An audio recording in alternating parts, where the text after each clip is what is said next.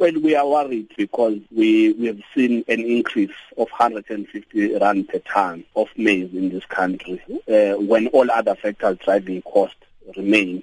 And uh, when you look back at the production uh, in the year 2015, we saw a situation where there was a 40% increase in output uh, when it comes to milk production. That was not uh, really uh, used to uh, lower down the price, benefit the poor and the workers. And now, for no reason, explicable reason, we are seeing this sudden increase. We think that there's something fishy there because we think that uh, some of these producers are trying to manipulate the fact that we have experienced drought to justify this increase. Pamla sê verder dat werkers se salarisse eenvoudig net nie byhou nie. So as a federation we are saying we think the competition commission needs to investigate this issue, investigate the pricing model of the maize and the prices on the SAFEX and the JSE because we can't afford to really see this kind of uh, price manipulation and fluctuation of prices uh, that are not justified by any reasonable uh, argument in this country, especially when you consider that maize is, is our staple.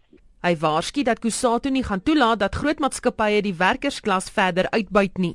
This country we have had a shortage of uh, electricity not long ago and that as we are currently aware NERSA will be taking a decision on what uh, to do with Eskom's application for a 17% tariff increase. So when you look at everything, you, look at fuel, you look at the price of food, you look at the price of, of electricity, everything is going up and the wages are not keeping up. And in fact, these increases are sort of like neutralizing and repealing these wages. And we think that we can't afford have a situation where uh, uh, we don't no longer have a free market, but we have alliance capitalism between producers who can pollute and uh, fix prices. And we think that as a federation, we are also tired of producers and big companies only being made to pay penalties. I think now the time has arrived to be treated in a manner that any individual who were to steal will be treated.